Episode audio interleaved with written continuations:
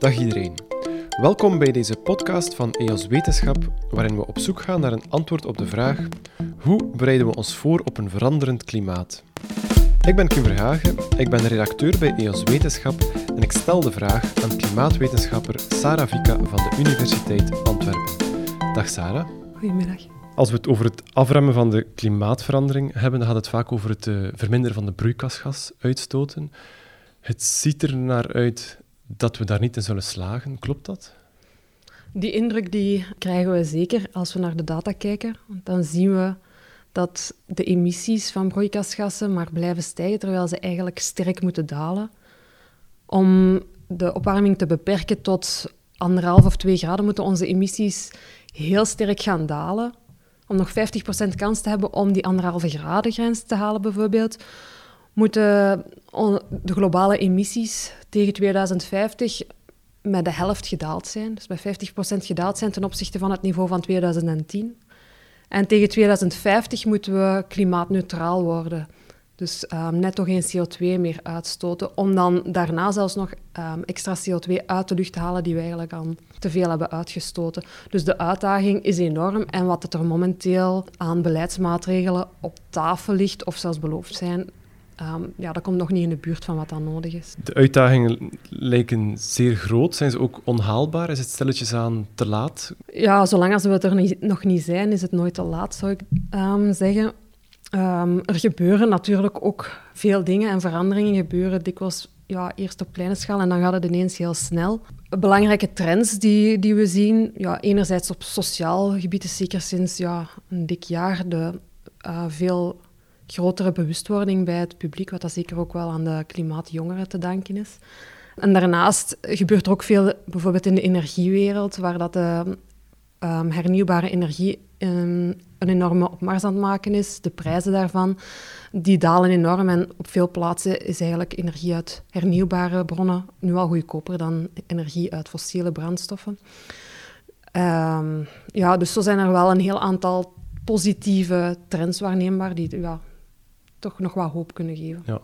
Maar zie je het, ondanks die positieve uh, ingrepen, het klimaat toch sowieso veranderen in de toekomst? Ja, het klimaat verandert nu al en het zal sowieso nog een hele tijd blijven veranderen. Zelfs als we van vandaag op morgen de uitstoot tot nul reduceren, dan zal het klimaat nog 40 jaar blijven opwarmen, gewoon door de traagheid eigenlijk van het, van het aardse systeem. En we zullen de uitstoot morgen niet helemaal tot nul reduceren. Dus de klimaatverandering zal sowieso nog verder doorzetten. Wat dat echt belangrijk is, is dat we de opwarming beperken, zeker tot onder die 2 graden en liefst nog wat, wat lager. Hoe zullen we het klimaat zien veranderen? We zullen onder andere te maken krijgen met meer extreem weer, meer hittegolven, droogtes, ook uh, meer periodes van hevige neerslag. En um, in de tropische regio's zullen bijvoorbeeld ook orkanen intenser worden. En ja, die weersveranderingen ze hebben dan weer een hele cascade van effecten tot gevolg. Gaan van um, een toename van tropische ziektes in onze streken um, tot ja, gevolgen voor de voedselproductie, de watervoorziening enzovoort. Als het gaat over de gevolgen van klimaatverandering, het extreme weer, gaat het vaak over gebieden die wat verder van ons weg liggen. Hoe zullen we het hier bij ons merken? Ja, ook bij ons zal, zal extreem weer een heel belangrijke factor zijn die wij voelen. Uh, vooral de hittegolven zullen um, toenemen in aantal en in intensiteit. En ja, we hebben de afgelopen twee jaar al goed kunnen voelen wat dat, dat betekent. Daarnaast zullen wij natuurlijk ook voelen wat er in de rest van de wereld gebeurt. Als er in um, derde wereldlanden en ja, in, in Azië en zo um, conflicten en conflicten uitbreken als gevolg van voedsel- en watertekorten en er zo migratiestromen op gang komen, ja, dan zullen wij dat hier ook voelen. Ja. Voorspellingen op gebied van klimaatverandering zijn gebaseerd op modellen. Hoe ontwikkelen jullie modellen, klimaatmodellen? Um, klimaatmodellen die zijn al van in de, ja, de jaren 1970 zoiets ontwikkel, eh, zijn ze die beginnen ontwikkelen.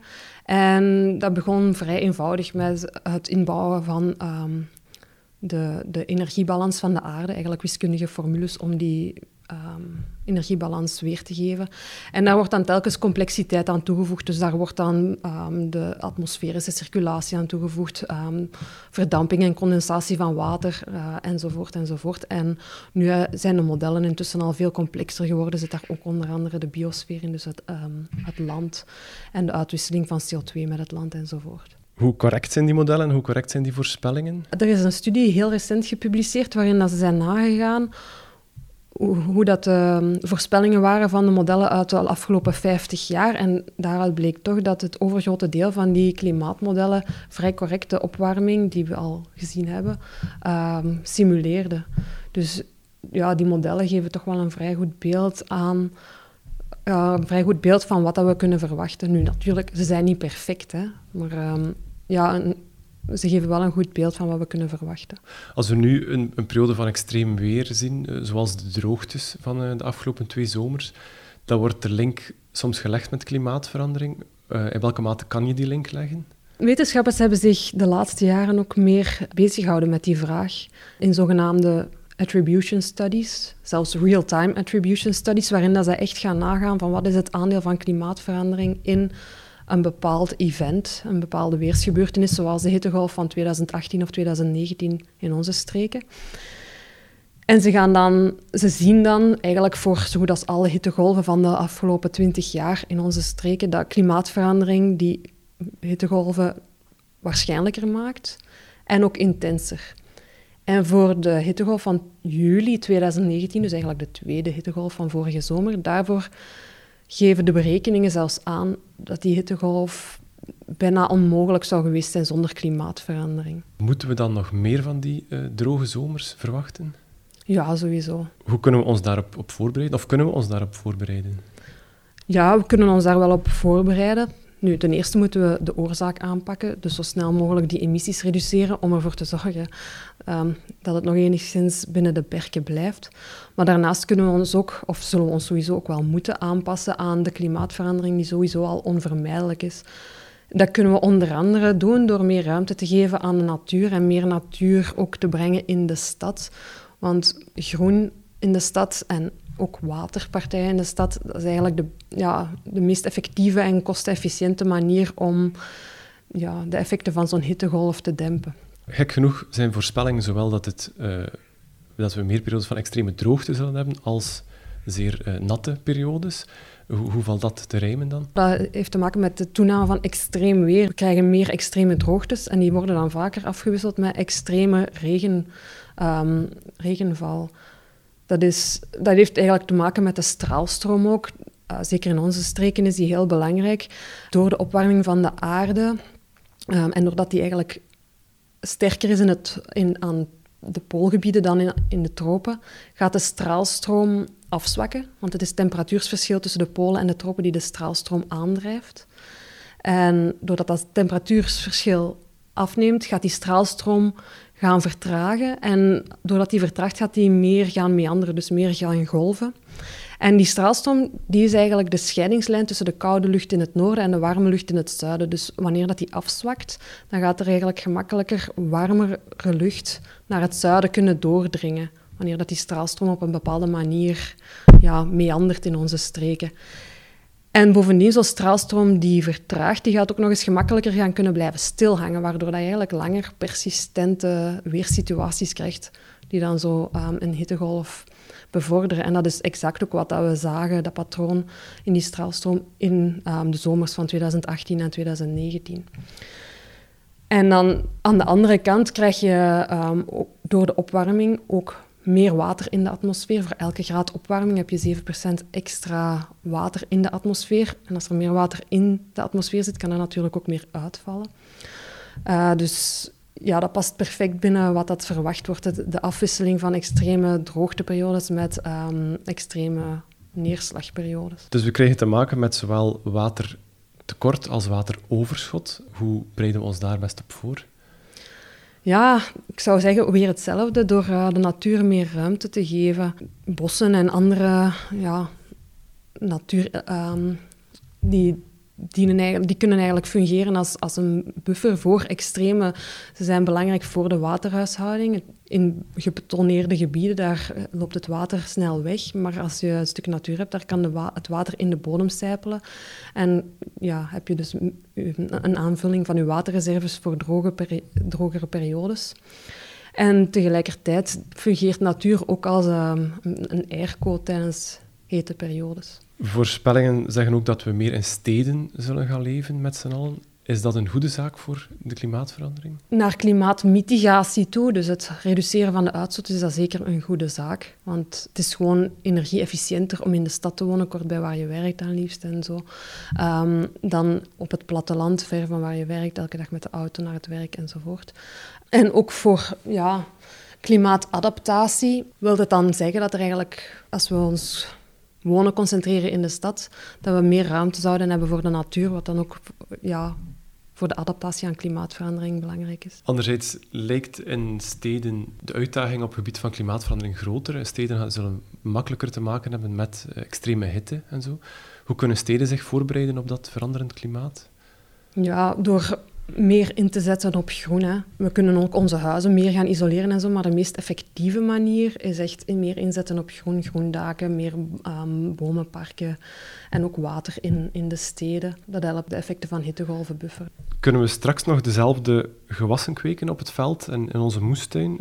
Of moeten we overstappen naar gewassen die beter bestand zijn tegen uh, extreem weer? Ja, sommige gewassen zullen het wel moeilijker krijgen door de, door de opwarming. Die zijn minder bestendig tegen de hitte en de droogte, zoals bijvoorbeeld aardappelen, die nogal gevoelig zijn aan hitte, en ook maïs. Gewassen die daar beter bestand tegen zijn, zijn bijvoorbeeld tarwe of um, druiven. En uh, quinoa is ook een gewas dat heel bestand is tegen extreme. Dus waarschijnlijk zal er ja, wel een, een beetje een omslag komen in, in wat er waar gekweekt wordt.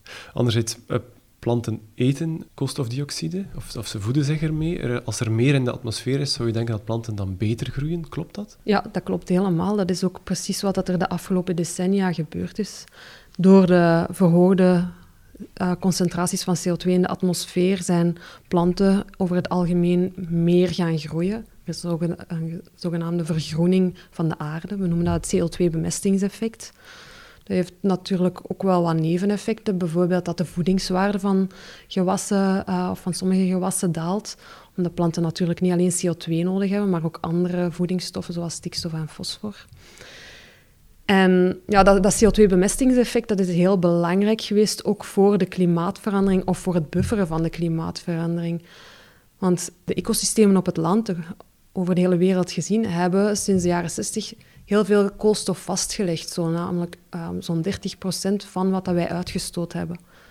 Dus dat wil zeggen, als we die buffer niet gehad hadden, dat klimaatverandering nu al veel erger zou zijn. Dan zouden we waarschijnlijk al boven die 2 graden zelfs zitten. Nu, anderzijds mogen we ook niet ervan uitgaan dat dat CO2-bemestingseffect zal blijven bestaan. Klimaatverandering vormt eigenlijk een belangrijke bedreiging voor de koolstofopslag in ecosystemen. En ja, de bosbranden van het afgelopen jaar zijn daar een mooi voorbeeld van. Hè, hoe, hoe dat de, ehm, de klimaatverandering op korte tijd eigenlijk veel CO2 in de lucht kan brengen door die bosbranden te veroorzaken. Waren die bosbranden ook gelinkt aan de klimaatverandering? Um, ja, de studies om eh, de, het precieze aandeel van klimaatverandering daarin na te gaan, die moeten natuurlijk nog gebeuren. Maar ik denk dat we vrij zeker kunnen stellen dat klimaatverandering er wel een aandeel in heeft. Wat past precies binnen wat we verwachten. Um, de toenemende ja, weersextremen leiden tot die toename in, in bosbranden, in de boreale zone, in het Amazonewoud, Australië. Maar het is natuurlijk niet de enige factor. Ook beheer kan heel belangrijk zijn. Bijvoorbeeld in het Amazonewoud speelt menselijke activiteit en vooral het kappen van, van uh, wouden dan een heel belangrijke rol. Welke uitdagingen staat de natuur nog te wachten? Ja, dat gaat een beetje samen. Hè. De droogte en, en de bosbranden, dat zijn heel zichtbare effecten van klimaatverandering. Nu, daarnaast vormt klimaatverandering bijvoorbeeld ook een, een, een, extra bedreiging voor de biodiversiteit, die al onder druk staat van uh, de vervuiling, de versnippering. Dus de natuur ja, zal zeker ook te lijden krijgen extra um, onder de klimaatverandering op, op verschillende gebieden. Passen dieren en planten zich nu al aan of gaat het voor hen veel te snel? Het gaat dus snel voor veel planten en dieren, maar ze passen zich ook wel aan in de mate van het mogelijke. Sommigen kunnen dat beter dan anderen. Maar we zien heel wat wijzigingen in de ecosysteem, zoals het vervroegen van het groeiseizoen, wat dat dan ook weer gevolgen heeft voor de interacties tussen soorten. We zien soorten ook verhuizen. Kabeljauwen trekken bijvoorbeeld meer naar het noorden. Um, hier zien we ook um, soorten die we vroeger niet zagen, zoals um, de vuurlibel, die uit het zuiden naar hier komt. Dus ja, soorten passen zich aan en trekken ook weg naar noordelijker gebieden. Zijn er ook winnaars van de klimaatverandering? Ja, er zijn altijd winnaars en verliezers. Het is niet altijd gemakkelijk te voorspellen welke soorten dat, dat er gaan ja, winnen en welke verliezen, want dat hangt niet alleen af van de klimaatverandering, dat hangt af van een hele hoop factoren die samengaan, zoals ook ja, wat wij als mens doen um, naar um, het meer ruimte geven aan, aan de natuur, onder andere ook om migraties mogelijk te maken. Wat dat we nu bijvoorbeeld zien, zijn um, soorten zoals blauwalgen en kwallen die door de opwarming profiteren eigenlijk, of profiteren van de opwarming. Dus het zijn niet altijd de gewenste soorten die daardoor in opmars komen. Kunnen we de dieren en planten die het moeilijk hebben op een bepaalde manier helpen om zich te wapenen of om zich aan te passen? Ja, we kunnen vooral de natuur meer ruimte geven. Als we dan hebben over natuurlijke ecosystemen, dan zou ik zeggen, ja, eerst en vooral de klimaatopwarming beperken en de natuur meer ruimte geven om ook migratie van soorten uh, te vergemakkelijken. Dus ook meer um, verbindingen tussen natuurgebieden. In de landbouw kunnen we natuurlijk meer doen, of in semi-natuurlijke ecosystemen kunnen we gaan selecteren meer op um, soorten die, die wat bestendiger zijn tegen extreem weer. Ik had het daarnet over winnaars in de natuur. Sommige mensen spreken er ook over dat wij zouden kunnen winnen bij de klimaatverandering. Uh, een uh, mooier weer, warmer weer, laat maar komen. Hebben zij gelijk? Nee, absoluut niet. Want ja, er zal, het zal misschien op sommige momenten aangenamer weer zijn. Al valt dat nog te bekijken, want een hittegolf vinden de meeste mensen toch ook niet meer aangenaam. En de cascade van effecten die klimaatverandering teweegbrengt, daar zit weinig positiefs in. Het is, voor de gezondheid heeft het nefaste effecten. Tijdens hittegolven bijvoorbeeld zijn er altijd veel extra vroegtijdige sterftes. In 2003, een erge hittegolf hadden we hier toen, waren er 70.000 vroegtijdige sterftes in Europa, om maar een voorbeeld te geven.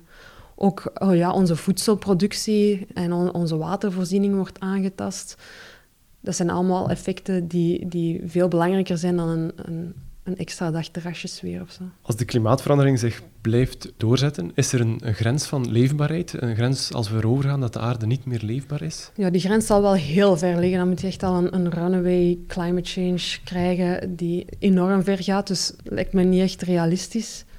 Maar wat er wel zal gebeuren, is dat sommige gebieden minder leefbaar worden. Ook al door het stijgen van het zeeniveau zullen sommige laaggelegen gebieden gewoon verdwijnen. En bepaalde gebieden zijn ook nu al heel warm, zoals bijvoorbeeld um, in Azië, India, Pakistan, um, Maleisië. Dat zijn al streken die te maken hebben met heel hoge temperaturen en hoge vochtigheid.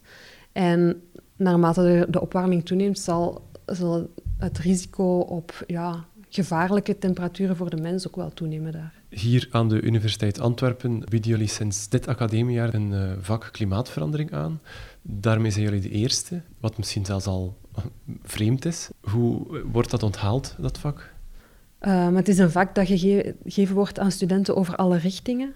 En ja, de, de, eerste evaluatie die was wel positief, dus dat was fijn te horen. Heb je het gevoel dat studenten en hun verlengde de bevolking voldoende op de hoogte is van hoe de klimaatverandering in elkaar zit en wat de gevolgen zullen zijn?